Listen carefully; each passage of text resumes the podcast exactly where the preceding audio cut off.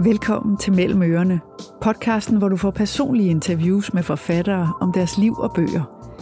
Temaet i dag er søskende. De mennesker, vi fra fødslen er bundet til resten af vores liv, på godt og ondt. For nogle er søskende en stor gevinst og glæde, for andre er det udfordrende og trækker et tungt spor gennem tilværelsen, for bare fordi man har de samme forældre, er man ikke nødvendigvis på bølgelængde. Sådan er det for Elisabeth Gerlof Nielsen, der i sin bog Store Børn fortæller historien om at række ud, men ikke kunne nå hinanden.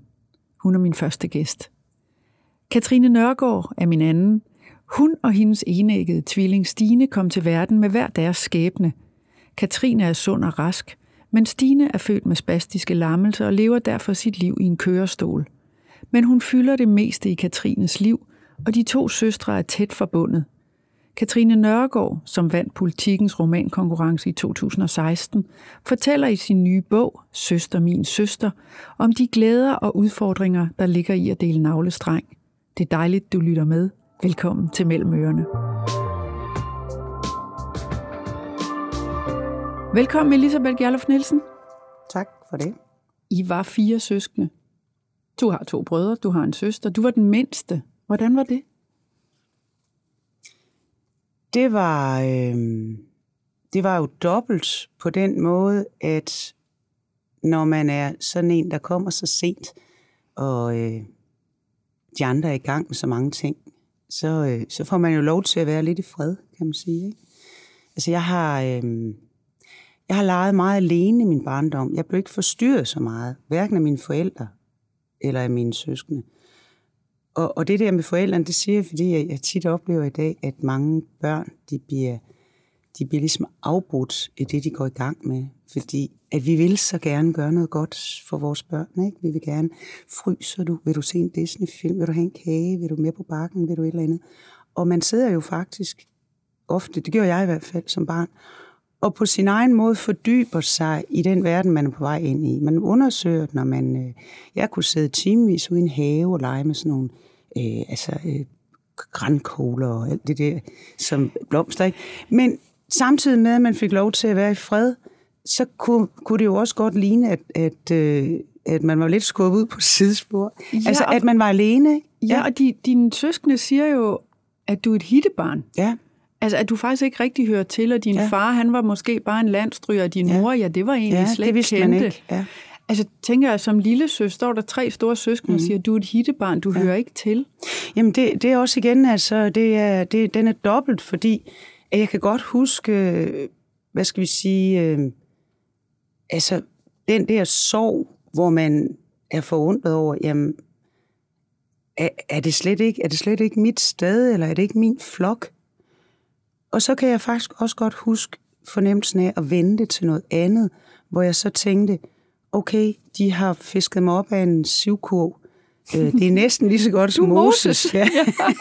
Moses. og, og det gør så også, at, at det kan jo, altså man kan også gøre det til noget, som er en styrke på den måde. Jeg tænkte, jeg kan faktisk huske, at jeg tænkte fuldstændig bogstaveligt. Godt, jeg har i hvert fald ikke arvet sådan noget blod, som gør, at jeg, jeg kan sige sådan nogle grimme ting til mine små søskende, som jeg nogle gange oplevede min, mine øh, store søskende gøre. Ikke? Nej. Og det er jo fordi, det, det der jo, man kan sige, du undersøger i din bog, Store Børn, det er jo det forhold, I har. Og det starter jo med, hvordan var det, da I var børn, og jo især, ja. hvordan er det nu, hvor I er mhm. voksne. Mm. Og der, der skete jo det, for 12 år siden, der døde jeres forældre med 10 dages mellemrum. Ja. Så pludselig stod I der og var rykket en hel generation op ja. selv. Øhm, mange oplever jo, at det betyder noget for dynamikken mm. i den her børneflok, der så står tilbage ja. uden forældrene til at sætte en retning eller ja. han, at skabe nogle rammer. Hvad betød det for jeres søskende forhold, at de var væk? Jamen det betød meget mere, end, end jeg tror, nogen af os havde regnet med. Fordi altså, vi, vi er jo sådan nogen, der er vokset op i en lille by langt ude i Danmark, hvor begge mine sæt bedsteforældre boede. Mine forældre voksede op altså to huse fra hinanden og har leget sammen som børn, og de gik herfra med 10 dages mellemrum. Det vil sige, der er noget enormt stærkt i det der med at holde sammen mm. og være fællesskaber. Og det blev, blev virkelig lagt ned over os som børn også. Øh, alt med øh, slægten og det at tage sig af hinanden og holde øje med hinanden på den rigtig gode måde, men jo et eller andet sted, når man bliver voksen, finder man sig ud af, det kan jo også være på den hårde måde. Øh, sådan, så det, øh, man har fået med, det er noget, man skal leve op til. Man skal være gode venner. Man må ikke blive skilt. Der er en masse øh, sådan øh, koder, man skal følge, for at det skal fungere. Og tiderne skifter. Og, og da vi så stod der, hvor forældrene var døde, fire voksne mennesker, som sådan, øh, hvad skal man sige, hver for sig har, har gjort vores og, og, og gjort mange af de ting, vi gerne ville.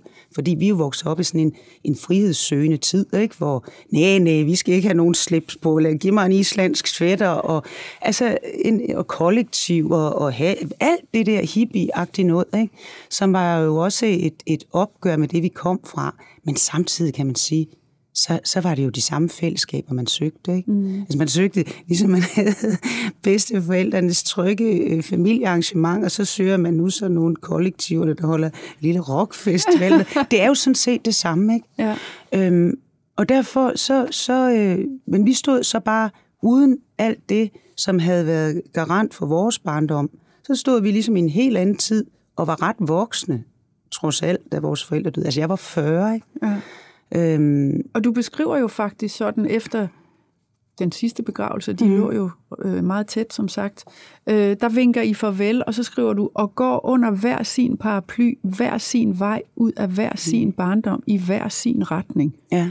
Det lyder som om, at det der fællesskab, I egentlig er opdraget til at have med hinanden, det opløses der. Ja, eller også så har det bare været, øh, det har været holdt sammen. Især min far, som var en meget, øh, øh, han var en meget kristen mand, men han var også en mand med store idealer øh, og store glansbilleder måske af, at hvis bare man giver den kærligheden stærke arm og giver den en gang til, og har man en tredje kind, så vender man også den til.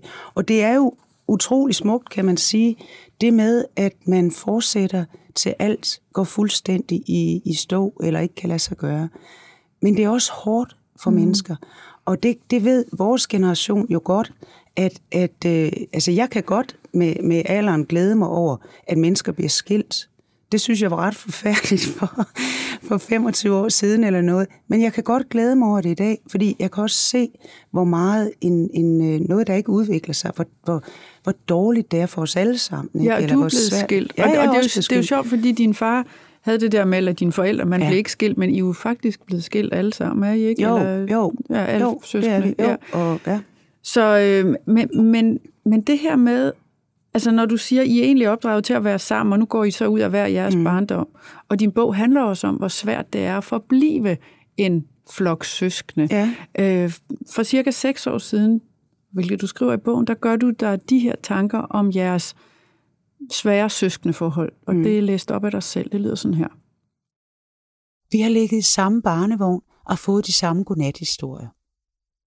Vi har spist vores havregrød ved samme bord, slået koldbøtter i samme haver, danset år efter år om samme juletræ med samme onkler, tanter, søskende og forældre og bedsteforældre. Vi har gået i de samme skoler, har haft samme klasselærerinde, har sunget samme brorsonsalmer og hørt samme Beatles-plader. Vi har delt pladeselskab, studier og profession. Vi har været gift med hver sin tvilling fra samme tvillingpar. Vi har fulgt hinandens bryllupper, børn og skilsmisser, tider med harmoni og tider med voldsomme konflikter. Men hvor godt kender jeg egentlig min bror, min søskende? En ven, som er startet på Cipramil, har netop fortalt mig, at han føler det som om hans dag er blevet en lige grå streg, hvor der hverken findes krig eller fred, jubel eller gru, sover eller glæder. Ingen regn, ingen sol, ingen udsving, ingenting det minder mig efterhånden lidt om forholdet i min søskendeflok. Flad kurve og høflig holden sig bag diskretionslinjen. Udmattet af de temperamentsfulde konflikter, som vi nemt ryger ind i, og med kun en anstrengt kunstig høflighed, som vi mestrer virkelig dårligt at sætte i stedet. Hvad er det, der er så svært? Jamen, jeg tror, det er... Øh, altså, i min version, der er det sværere, at, at jeg har nogle, jeg bærer nogle forventninger med mig fra min barndom, hvor, hvor min far og mor stod for de der fællesskaber, mine bedsteforældre også. der var så meget, hvor jeg synes, det, det var så enkelt. Man hørte til i den her flok. Det kan godt være, at man sad og legede for sig selv, og ens øh, brødre drillede en med alt muligt, og, og var sådan lidt, lidt, lidt nedlandet nogle gange eller noget. Men man hørte til i en flok, som bestod af gamle og unge mennesker.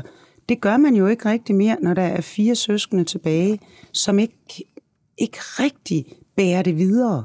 For det, det synes jeg, vi har haft svært ved at gøre. Jeg er ikke i tvivl om, at vi egentlig gerne vil det. Sådan er mennesker jo indrettet. Vi vil det gerne tit. Vi vil gerne vise kærlighed. Vi vil gerne give det, vi har at give. Men, men det er som om, vi ikke kan få gaven pakket ind, så den når frem. Eller vi har måske svært ved at se hinanden der, hvor vi er. Jeg har oplevet i, i min søskenflok, at vi har meget travlt med, også mig selv, med at man skal være ligesom mig. Så bliver det bedre. Altså, jeg, mine værdier, det må også være dine værdier. Fordi det tror man, når man er vokset ja. op med de samme værdier. Ikke? Men vi udvikler os på, på forskellige måder, og vi har også oplevet forskellige ting i vores opvækst, selvom vi har siddet sammen fire mennesker og danset på samme måde om juletræet. Så er det også noget med tiden, man vokser op i. Det er jo ikke kun det sind, man har, det er også det. Det er virkelig gået op for mig efterhånden, fordi vi har haft mange af de samme ting, os søskende, samme skole og samme pædagog og samme alt det der. Ikke? Men det, der er nogle sind, der gør, at man ikke kan nå hinanden, og så er der nogle udviklere i tiden også, og det er jo også det, jeg beskriver i min bog. Altså, øh, nogle, nogle 70'er for eksempel, hvor jeg gik i gymnasiet, ikke? hvor så nogle som mine brødre, de var opdraget gammeldags som mænd til at tage ansvar og, og skulle forsørge og alt det, som er gode, stærke værdier fra min fars side.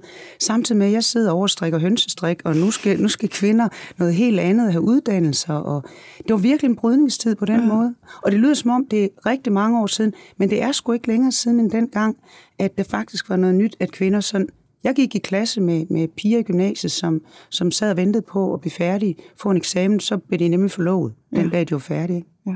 Og de skulle ikke bruge den til noget Nej, egentlig. De skulle hjem og være ja, det mødre skulle, ja. og husmødre. Og, og der noget. skete der nogle andre ting, ikke? og det tror jeg også har været svært i min søskenflok, ved at acceptere, at når så kommer der sådan en åndssvag lille søster der, ikke? pludselig gør hun noget andet, end man forventer. Ja, og du, ja. du beskriver jo også i bogen, hvordan du vil smadre gerne lave et, en bog sammen med din øh, ene ja. storebror, som er Peter A.G., ja. øh, kendt fra Knæks. Ja. Øh, og den skal handle om at være storebror og lille søster. Ja. Der, der og vil hvorfor jeg, vil du egentlig gerne det? Det vil jeg, fordi at jeg synes, nu er vi kommet dertil, hvor vi faktisk ikke fungerer særlig godt sammen. Fordi vi kan godt være høflige og sådan komme med en lille sådan stik lidt eller et eller andet i en eller anden en barndåb eller noget. Men det er simpelthen der har jeg det sådan, at så vil jeg næsten hellere være fri, fordi jeg synes, det er så trist at omgås hinanden på den måde. Fordi vi også alle sammen er, er ret øh, følsomme mennesker og ret sådan eksplosive. Vi har temperament alle sammen. Og når man så er samlet på den der måde, hvor man ikke må sige noget og skal passe på, så kan alle jo mærke det, ikke? Og så, så bliver alle 10 gange mere kajtet, fordi uh, nu skulle man endelig ikke nævne det der med den gang og sådan noget. Så jeg tænkte, godt, så, så kunne jeg godt tænke mig at prøve at gå ned under den overflade, også med nogle mennesker, der er så tæt på. For jeg ved faktisk ikke ret mange ting om, hvordan det var for eksempel at være min bror og få et barn som 19-årig. Altså jeg var 31 som kvinde, da jeg fik mit første barn, og i fuld gang med en musikkarriere, kalder det. I hvert fald i gang med det, som var mit virke. Ikke? Og det har han jo været i, i meget stor grad, også fordi han er en meget dynamisk mand. Så jeg tænkte, de der steder, hvor vi, hvor vi har oplevet sådan noget, der ligner hinanden, men med forskellig tilgang på grund af kønnet og, og de der roller, vi har over for hinanden. Ikke? Lad os prøve at gå til dem, som de steder, vi er lige, og ikke bære de der roller fra barndommen med, jeg er den store, du er den lille, jeg bestemmer, du skal holde din mund. Jeg sidder dernede og bokser som den lille og siger, nej, det vil jeg ikke. Lad os prøve at slippe det, og så prøve at mødes på der, hvor, hvor vi har øh, nogle fælles udgangspunkter. Fordi så kan vi tale om, hvordan det er at være menneske, i stedet for at tale om, hvordan det er at være en, der skal fortælle mig, hvordan jeg skal gøre, eller mig, der, der strider imod det. Og det er jo sådan set uh, smukke intentioner, men det går jo bare ikke. Det går slet ikke. Det går, Nej. altså, hvad, hvad, Jamen, jeg havde Hvad håbet... er det, der sker? Fordi man, man ser hele bogen igennem, der forsøger du at lave møder, og I skal ja. mødes, og I skal tale, og du skal have ja. diktafon med. Og han udsætter og ja. skubber og skyder og vil ikke rigtigt. Og sådan Hvad er det, der sker i den der Jamen, proces? Det er jo så her, hvor, hvor øh, det er jo, jeg er jo ikke psykolog, og jeg er jo ikke på den måde en, der går ned. Jeg, jeg har haft det sådan, jeg vil bare prøve at undersøge, hvad er det, vi for nogle mennesker? Altså, folk siger for eksempel også om, om min søskenflok, jamen, I er sådan nogle søde, rare mennesker mod alle mulige, alt så rare at være sammen med, men over for hinanden. Og så vil der komme en eller anden selvhjælpsbog nu flyvende og sige, det er jalousi, det er kampen om forældrene. Helt sikkert, det er der også. Men der er også nogle andre ting. Altså, der er, der er for eksempel det, at man ikke kan rykke sig op over det. Jeg oplever os som rimelig øh, begavede mennesker, øh, som kan alt muligt, og vi vil gerne alt muligt. Men det der, det er åbenbart nogle meget dybe øh, vilkår, eller ja, som kan ligge i os alle sammen som mennesker, lige meget hvor vi kommer fra. Og derfor synes jeg også faktisk, det var så vigtigt at prøve at beskrive. Så det der med, at folk, som fungerer dårligt sammen, det er altså ikke altid nede på Lolland, vel, eller nogen steder. Det, det, det sker for os alle sammen, fordi det i virkeligheden er så skide svært at forstå hinanden. Og min bog var et forsøg på at komme bare en lille bitte smule ind i at kunne forstå, jamen hvorfor gjorde han mon sådan, eller hvorfor gør jeg egentlig det der? Men han er jo tydeligvis, altså I er helt forskellige steder ja. i forhold til den her bog, og du bliver ved og ved og ja. ved. Hvordan kan det være, at du altså, holder fast i det? I hvert fald, jeg oplever som læser, du holder fast ja. i det virkelig længe, selvfølgelig fordi du virkelig gerne vil. Men hvad er det, der gør, at du ikke lang tid før det sker, tænker, jamen prøv at høre, det går jo ikke.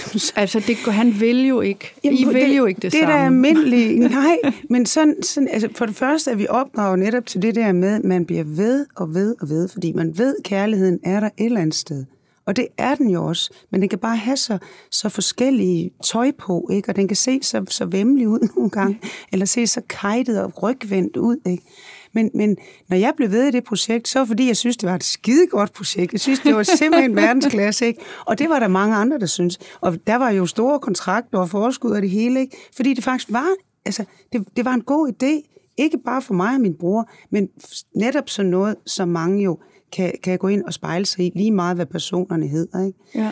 Øhm, men men når, man, når jeg bliver ved, så er, det, så er det jo både fordi, jeg har lært det øh, hjemmefra, ikke? men det er jo også fordi, jeg tror, vi alle sammen har bygget en angst ind for at være uden for den flok, vi jo for fanden er nødt til på en eller anden måde at være med i.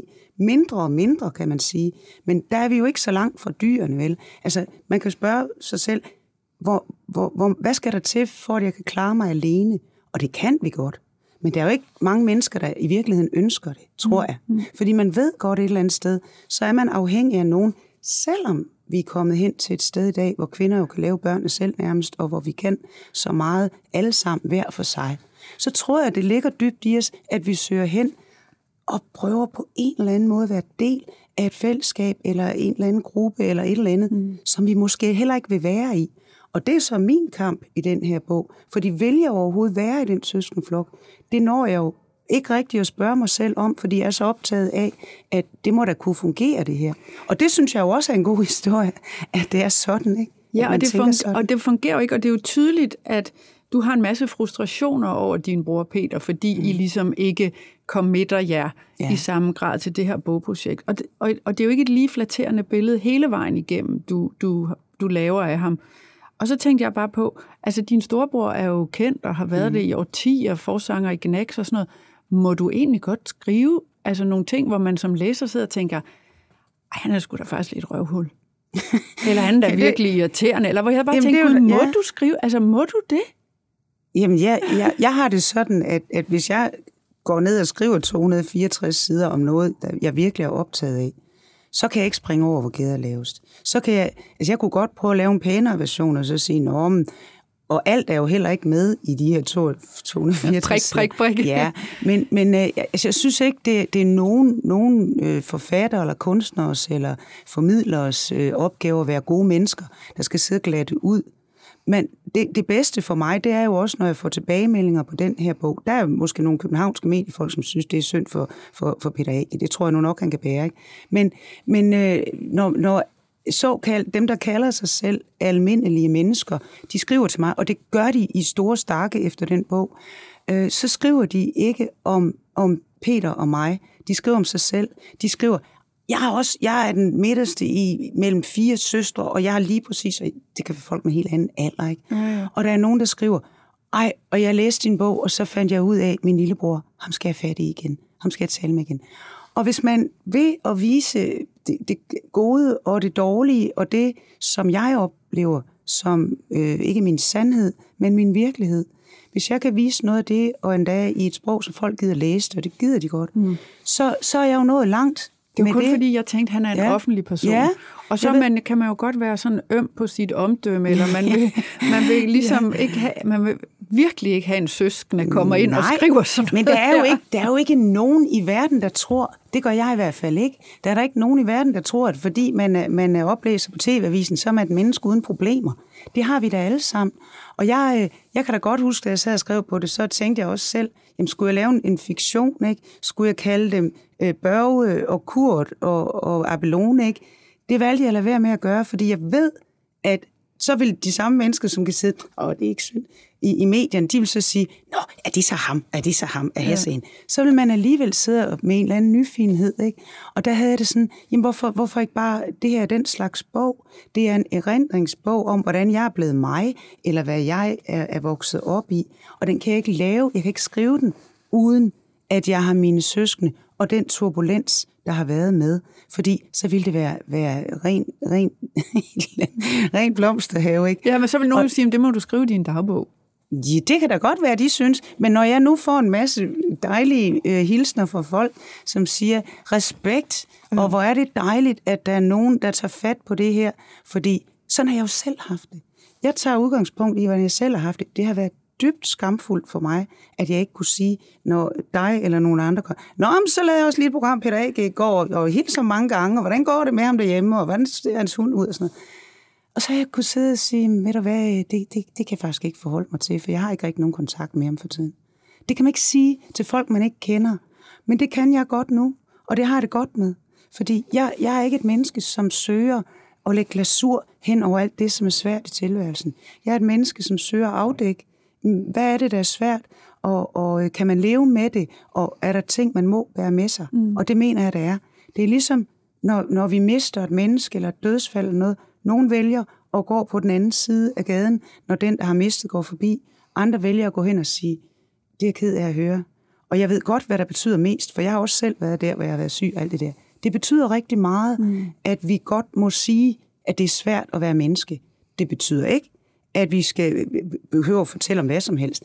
Men jeg synes, det er ret tankevækkende faktisk i den her tid, at det er meget, altså alle må skrive om enhver form for kropsvæske, der bliver blandet med, med hvad som helst, som menstruation, alt det der. Og afdøde må du også, ikke? Altså du må skrive om dine afdøde forældre, og du kan kalde dem whatever, og hvad som helst. Men hvis du faktisk tager udgangspunkt i din verden, som den ser ud nu, så uha, skal man lige passe lidt på. Jeg lever med det, vil jeg sige. Det er ikke noget, der gør ondt på mig. Er han, er han okay med det, Peter? Ved Jamen, jeg det? har, jo selv, jeg har jo selv gjort det, at før jeg sendte den her bog ud, så skrev jeg øh, til mine søskende allerede i efteråret, altså over tre kvart år før den udkom, næsten et år før den udkom, så sendte jeg det forløbende manuskript til mine tre søskende og skrev, det her, det er min version af min opvækst. Har I nogen kommentarer? Så skriv meget gerne til mig, og meget gerne inden den dato øh, et par måneder fremme, fordi der vil jeg videre med, med redigeringen af det. Ikke? Der, der kom et par linjer, og nogen svarede ikke, og nogen svarede juleaften med, at det er et eller andet med, at det, ja, det kunne man godt, og det kunne man ikke, og det kunne man, der skulle ikke stå det.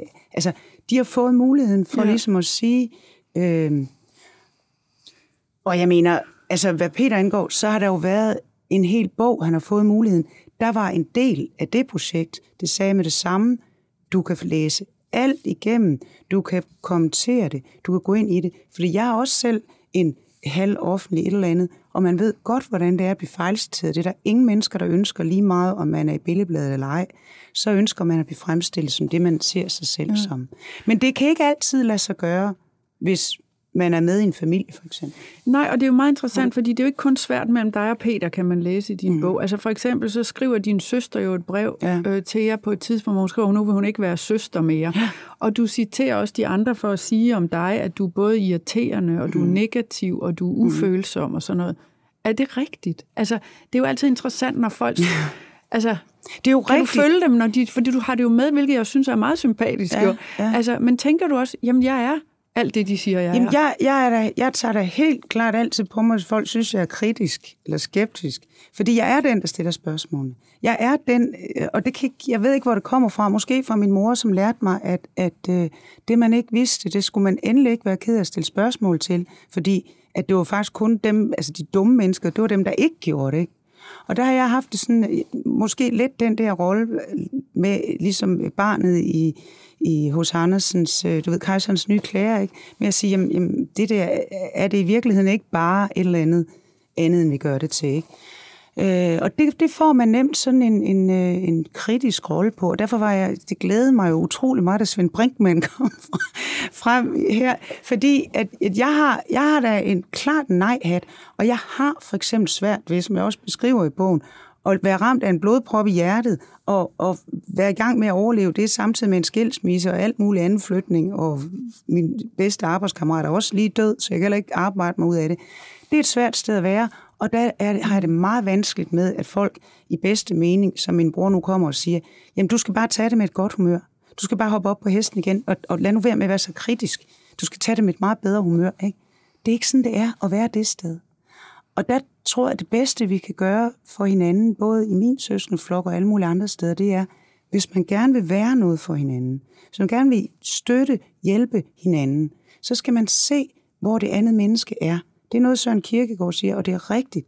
Du kan ikke komme med din egen måde. Det kan godt være, at du altid tager tingene med et stort jubelsmil og en ja-hat, der, der fylder det hele. Ikke? Men det gør andre mennesker nødvendigvis ikke. Og jeg har kunnet mærke med det, jeg har været igennem i mit liv, at tid, det er nok noget af det bedste. Ikke? Altså, at man giver sig selv tid til for eksempel at blive rask, eller blive skilt, mm. eller miste øh, noget, som man er meget, meget øh, glad for. Og det, det, det tager tid at komme igennem. Og der er der nogen, der har andre metoder, ikke? Og det, er, det kan for eksempel være, være som i min søskendeflok, hvor man bare sådan, om det må du bare, det må du bare cope med, ikke? Det kan også være en kønsforskel, at mænd har nemmere ved at, og ligesom sådan, om så rejser vi os bare op igen. Men det er ikke min metode, og det er ikke det, jeg tror på. Og derfor så reagerer jeg mod det, og så, så kan det godt være, at jeg får at vide, at jeg er negativ. Men det er nu min måde at, at komme igennem mm. sover eller kriser på. Og så til sidst så opgiver du jo det ja. der bogprojekt. Ja. Man som læser måske nok øh, har set, tænkt, det, ja. den ender nok med, at det ikke bliver til så meget, ja. og ganske rigtigt. Ja. Og, og det opgiver du jo på sådan en meget manifest måde. Vi skal lige høre et mm. klip mere fra din øh, lydbog. Jeg åbner rygsækken og pakker mækken ud af det beskyttende neoprenhylster, for jeg vil ofre noget i dag, der gør mit liv tungt. En bagage af korte, lange breve, mails, sms'er og timelange lydfiler optaget i biler på motorveje og landeveje i Skjern, Midtjylland, Vestjylland, Aarhus, København og Spanien. Alt det, som jeg har forsøgt at finde mig selv og mine søskende i på side efter side i de dokumenter, som nu ligger på skrivebordsvinduet sammen med familiefotografier fra 1950 til 2015 som jeg har scannet, digitaliseret og skåret til i størrelser og former, som passede på de mange tekstsider. Som jeg ikke printer ud, for det er synd for miljøet. Jeg offrer i stedet det hele til havfruerne, de tomme konkylier og søhestestallen på bunden. Ned med det. Til havheksen, Neptun og blæksprutterne. 10, 20, 30 i vandet og computeren synker til bunds som en skyldig heks i en sæk med sten i bunden. Og åen bliver sort, og syder og sprøjter som en kogende muddergrøft, fuld af boblende bogstaver, tal og spørgsmålstegn. Til vandet skiftevis bliver flaskegrønt, okkergult og mørkerødt, som skærn å af trikotagefarvet spildevand, som farverne på alle de familiefotos, som skulle have været med i bogen. Men det sluttede jo ikke med den computer på havets bund, fordi nu har du så skrevet den her bog i stedet for. Og hvad, hvad har, altså, er du blevet klogere på noget? Har du fået lagt det på en hylde? Har du, kommer du ud et andet sted? Eller, altså, hvad ja. har den gjort for dig? Jamen, det den først og fremmest har gjort, det er, at den har jo øh, den har flyttet mig hen til et sted, hvor det her det er noget, der er gået igennem mig for alvor. Altså, jeg kunne godt have siddet jeg har altid vidst, at jeg gerne ville skrive om min familie, men jeg er også et meget blufærdigt menneske. Jeg er ikke den, der har optrådt mest til se og høre sådan nogle steder fortalt om min, min kæreste. Og, og, men, men det her, det har bare fyldt så meget i mig, og jeg har sådan øh, gået løbende og, og reflekteret og været ked af det, når det var skidt, og været glad, hvis vi fungerede lidt og sådan noget. Så jeg vidste, at jeg ville skrive om det på et tidspunkt. Men det, at det har taget så lang tid, for det har det jo, at det har været igennem så mange faser, netop en hel bog, et helt projekt, som blev, blev smadret, ikke? eller som ikke blev til noget, netop det, at det ikke blev sådan noget, det har jo også givet en, hvad skal man sige, realitetssans til Elisabeths mere romantiske drømme om sammenhold og, og alt det, som man er, er, er vokset op med på virkelig både godt, men også på ondt på den måde, at man så jager det for mm. meget. De lidt for store forventninger, ikke? Så de, de er blevet øh, neutraliseret, de forventninger der. Jeg forventer ikke, at, at øh, mig og mine søskende faktisk skal kunne fungere. Jeg glæder mig over, hvis vi kan i dag, men jeg ved også, hvad det kræver. Og det nævner jeg også et sted i bogen, der hende, hedder Vigtig Short, som har skrevet en fremragende bog om søskendeforhold på en anden måde end mine øh, den der hedder Arv og Miljø, hvor hun siger, at hvis man vil nå, hvis man vil forsøge at nå hinanden, så kræver det, at man går ind i, i et rum, hvor, hvor sandhedens sårbarhed, den ligesom fylder meget. Altså at man kan vise sig selv som et sårbart menneske, som søger sandheden, eller den sandhed, der er bare i at være sårbar. At man godt vil, vil risikere, at det kommer til at gøre ondt, eller der bliver sagt noget grimt om dig og mig eller andet. Der er vi ikke nået til i, i min mm. søskendeflok, og jeg er ikke sikker på, at vi nogensinde når derhen. Og så lever jeg med det. Og så ændrer det jo lidt netop ens forventninger og ens billeder af, jamen, hvad er det så for en flok, jeg hører til i. Og jeg kan stadigvæk blive ked af det, hvis min kæreste og mig skændes eller noget over, uh, hvor er min flok? Fordi det er en eller anden form for instinkt, jeg tror, vi har. Hvor hører jeg til? Ikke? I denne verden, hvor jeg kan gøre, hvad det passer mig næsten. Ikke? Hvor hører jeg til? Hvem bryder sig om, at jeg øh, ligger faktisk og er syg om natten? Ikke? Hvem skal jeg ringe til? Det er ikke mine søskende, men så er der nogle andre.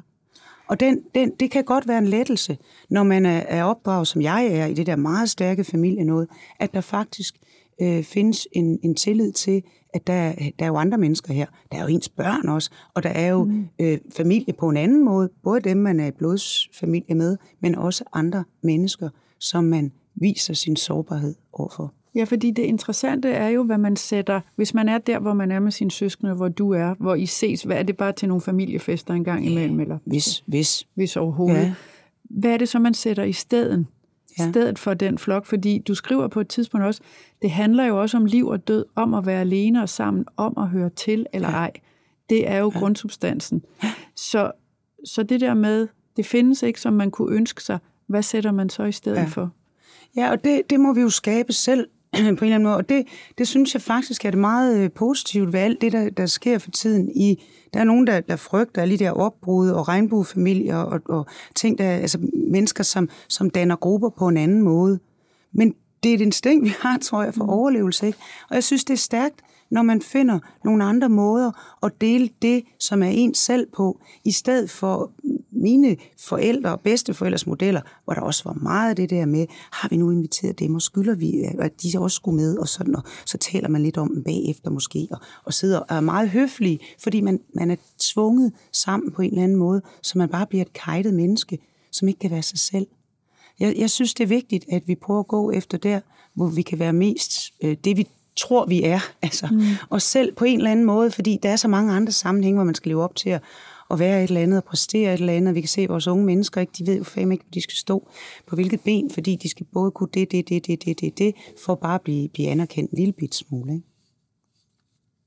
Elisabeth, mange tak. Det var en fornøjelse Velbekomme. at snakke med dig. Tak og en fornøjelse at læse din bog også. Ja. Du kan noget med ord. Dejligt. Gå med det. Tak skal du have. ha' det godt. I lige måde.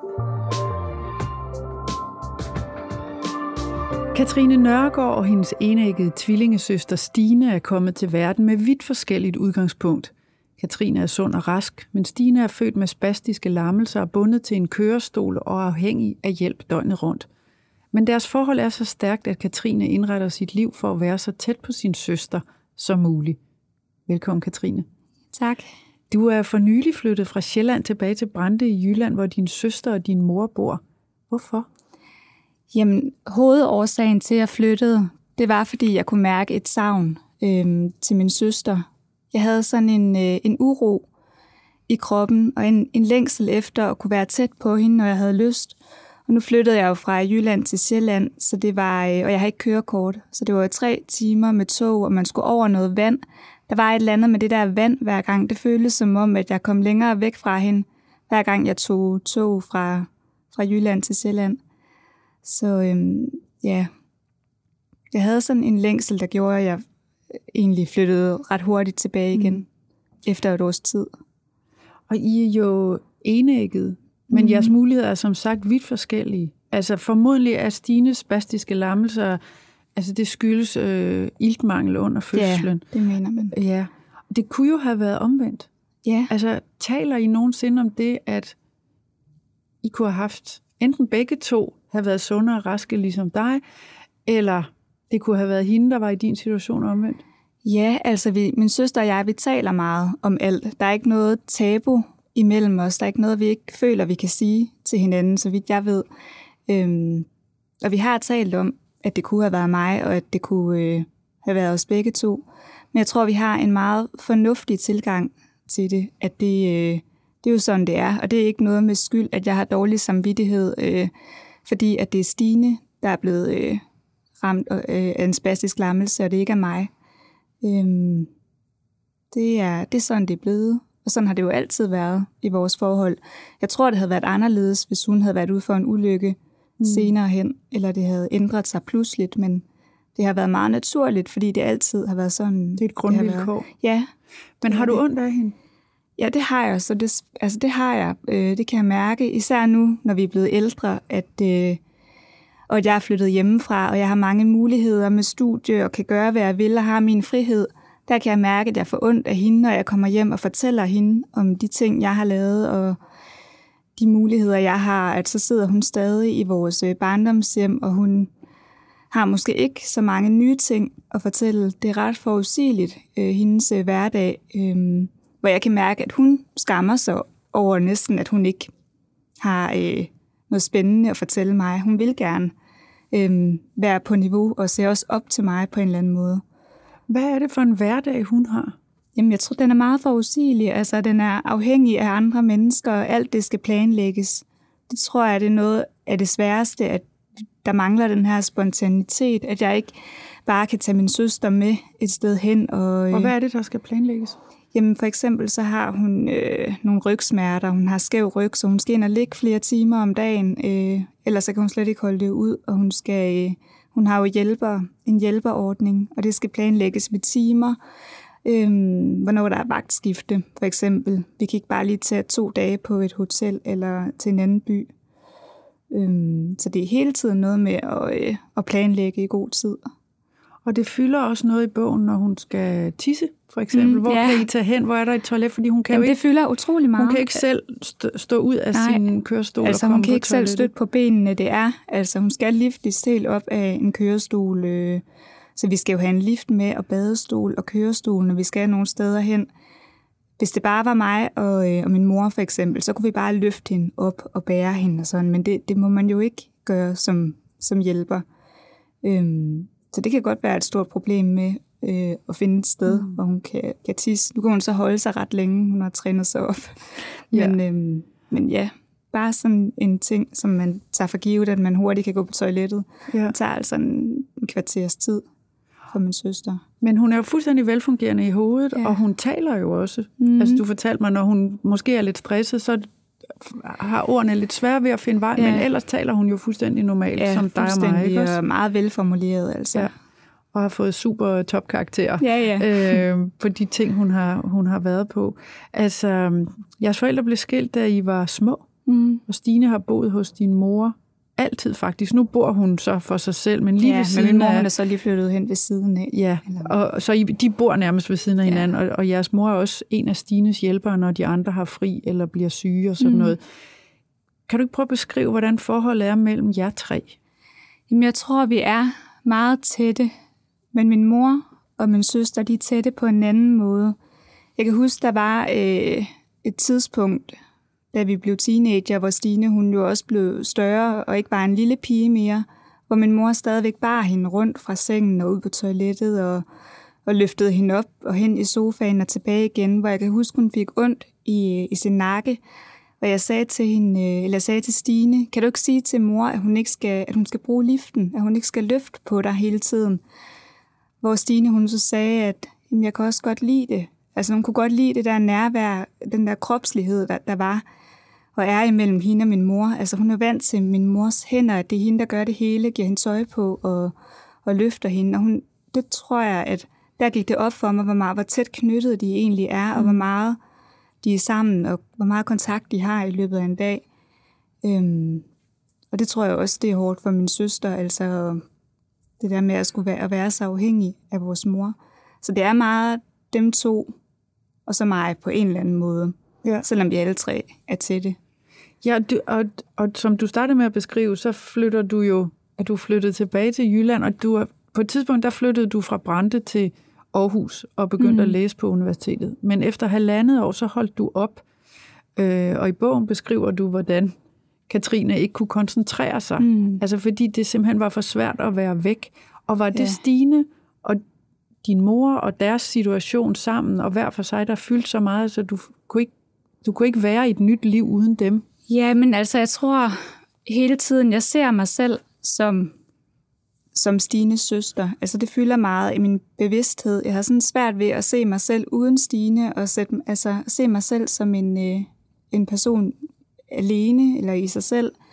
Øhm, og så samtidig, da jeg flyttede væk fra Stine, der havde jeg sådan noget, øh, en form for sygdomsangst, hvor jeg pludselig blev bange for, at der skulle ske mig noget, at, øh, at jeg slet ikke ville være der.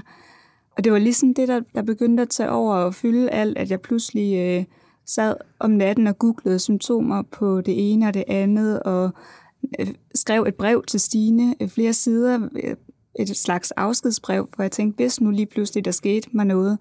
Jeg sov op på sådan en hems, jeg havde i min lejlighed, og jeg tænkte, gud, hvis jeg falder ned, eller noget i søvne, jeg har meget med at gå i søvne, øhm, så det tænkte jeg, at, øh, at så måtte jeg hellere skrive et brev til hende, for så ville det blive lettere, når jeg så ikke, hvis der skete mig noget. Altså, det var helt, helt sygeligt.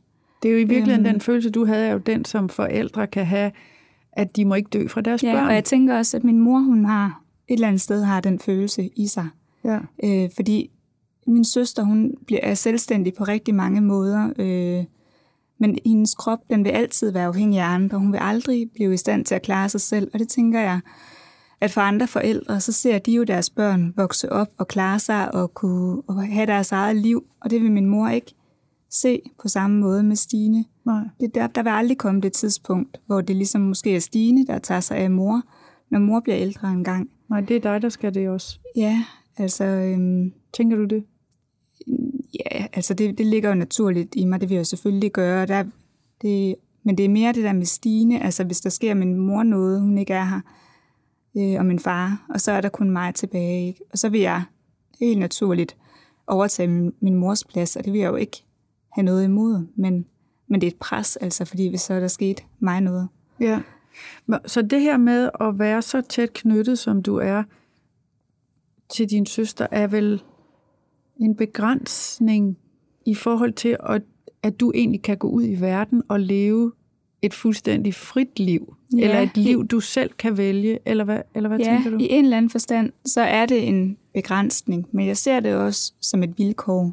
Det har jo også mange positive øh, styrker og sider, øh, Prøv at beskrive at nogle af dem. Og jeg, jamen, vi har en, en samhørighed, der gør, jeg tror aldrig nogensinde, jeg vil komme til at føle mig ensom. Fordi jeg altid føler, at hun er med på en eller anden måde, og at jeg har hende. Så jeg tror, jeg tror selv, hvis hun ikke er her en dag, eller vi, at, at en af os, altså, øh, det har jeg nogle gange tænkt på, hvis hun dør, før jeg gør, eller omvendt, så vil vi stadigvæk føle, at vi har hinanden i os mm. på en eller anden måde. Mm. Så jeg tror, den der, øh, den der viden om, at man har hinanden, det gør, at, at man kan klare de andre begrænsninger, øh, der er. Der er en del steder i bogen, hvor du beskriver, hvordan du gennem jeres opvækst ikke opfører dig ordentligt over for Stine. Ja. Altså, og hvilket jeg synes er en af bogens kvaliteter. Øh, fordi du siger taglige ting, og du gør taglige ting, du river hende i armene, du taler hårdt til mm. hende og sådan noget.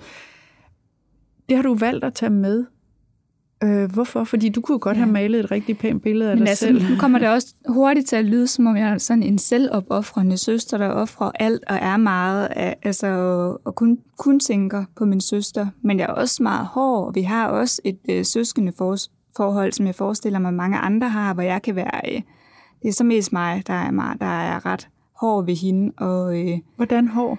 Jamen altså, retter på hende. I rette sætter hende, selvom at det egentlig ikke er mit... Øh, mig, der skal gøre det. Altså, øh, kan sige til hende, hvis hun øh, skal, til, skal holde et møde med kommunen for eksempel, at hun skal købe en, en kage eller et eller andet, hvis ikke hun har gjort det, at hun skal gøre noget ud af det. Sådan nogle underlige ting.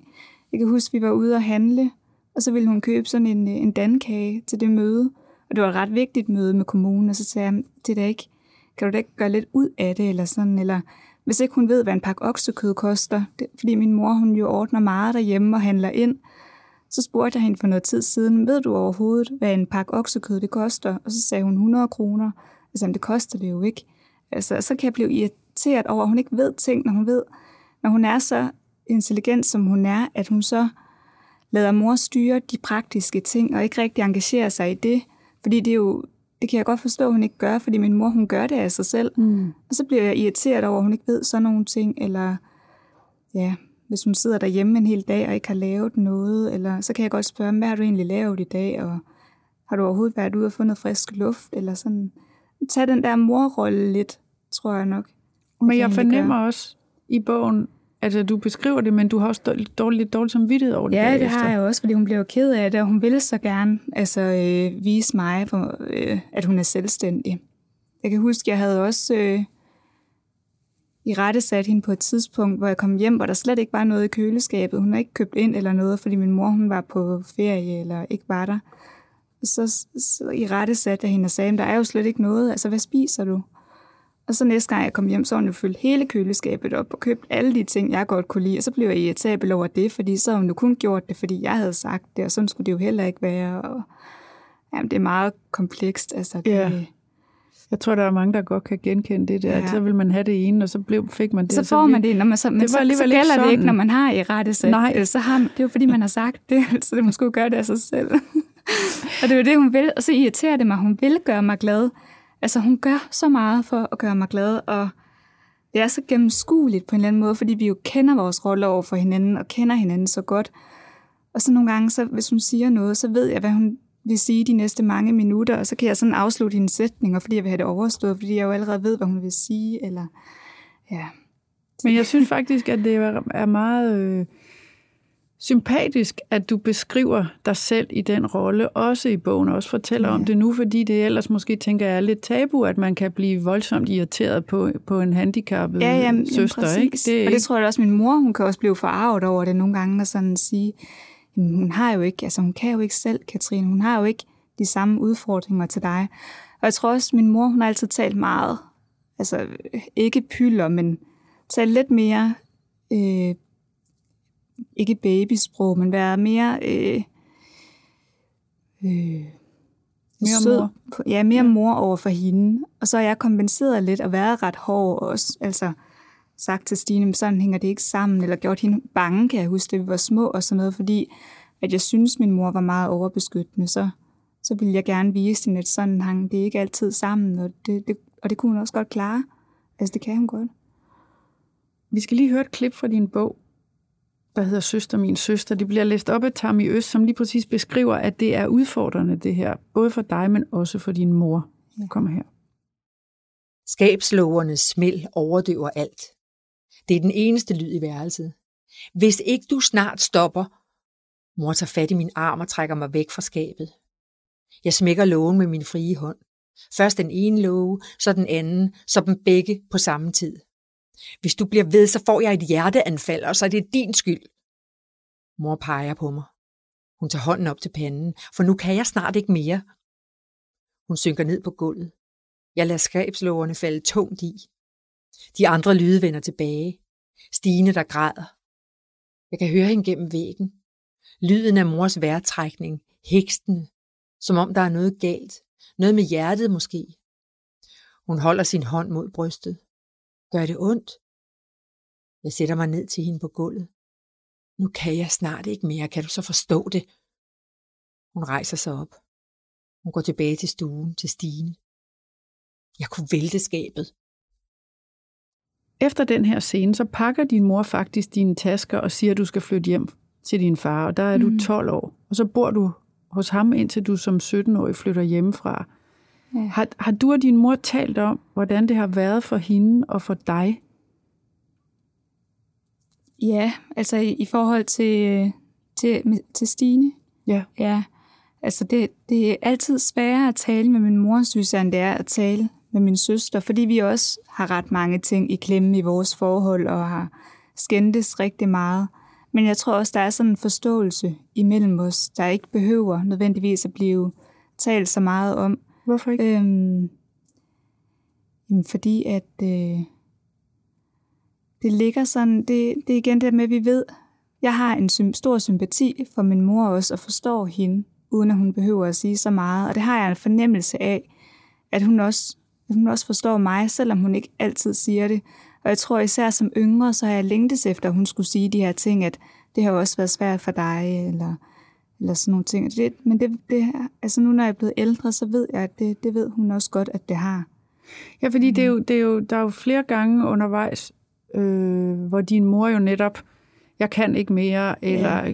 vil, kunne man også synes, giver noget skyldfølelse til dig, eller Ja. altså det der med, at du har skulle dele med din mors udmattelse. Hvordan mm. gør man det? Jamen, jeg tror, at det er også det er noget, der er svært. Altså stadigvæk i dag også, hvor jeg kan se, at min mor, hun, øh, hun, hun vil rigtig gerne være hurtigt færdig med ting. Hun har sådan meget øh, med kontrol og struktur, og vil gerne have styr på alt. Og det kan jeg jo godt se, at det kommer af at være mor øh, til et handicappet barn, også at skulle kæmpe imod øh, et øh, system, som nogle gange er helt urimeligt. Altså at hun, hun er bange for det her kontroltab, og hun, hun stresser jo også sig selv meget. Så det, det, det er rigtig svært. Det er noget af det sværeste at være i, at skulle, øh, at skulle forstå hende også nogle gange. Altså hvorfor at hun er, som hun er.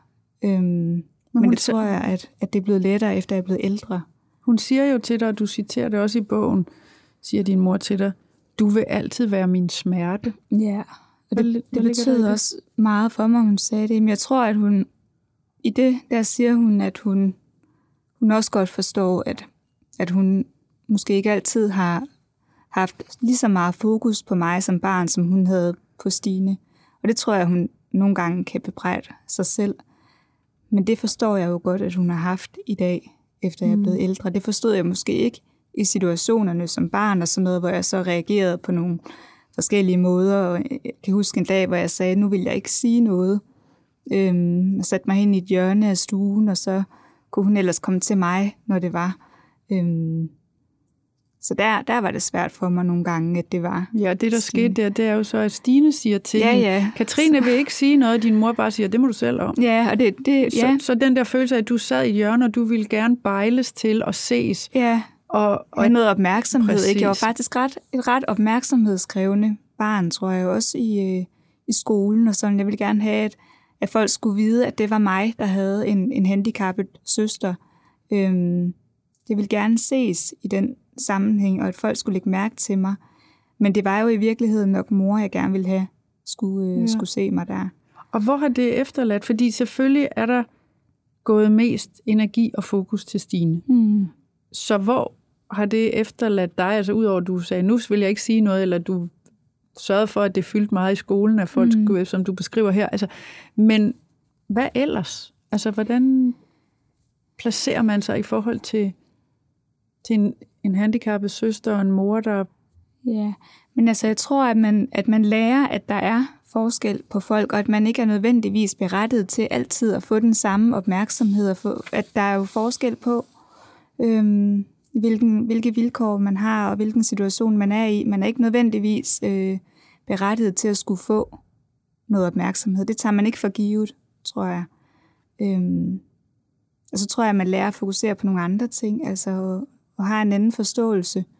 Øhm, det har også haft positive, øh, altså øh, det har gjort noget positivt også at vokse op med en, en handicappet søster. Jeg synes, at vi er blevet meget, øh, eller er blevet meget lidt fordomsfuld over for andre. Øhm, ja. Og er du blevet rummelig også, tænker jeg? Ja, ja. Det, det, det tror jeg, det er helt naturligt, at man, ja. man bliver det. Ja. Og sætter nogle andres behov over sine egne. Ja. Det her, altså hun vil jo have brug for dig altid. Mm. Og måske også mere, end du vil have brug for hende. Altså jeg tænker, du får måske din egen familie og dine Mm. egne børn, og Hvordan er det? Fordi du er jo så knyttet til hende, mm. at du mm. også har indtil nu på flere måder indrettet dit liv, så du kan være tæt på hende. Ja. Hvad tænker du om, Jamen lige det? med det der med børn, der tænker jeg faktisk, at det vil gøre en ret stor forskel i vores forhold, fordi at hvis jeg bliver mor, så bliver hun jo moster. Og det, øh, det tror jeg, det er et af hendes største ønsker, at kunne blive det. Øhm, så der tror jeg også, at jeg vil have meget brug for hende. Jeg synes ikke kun, det er hende, der har brug for mig. Jeg vil også have rigtig meget brug for hende i sådan en, øh, en situation.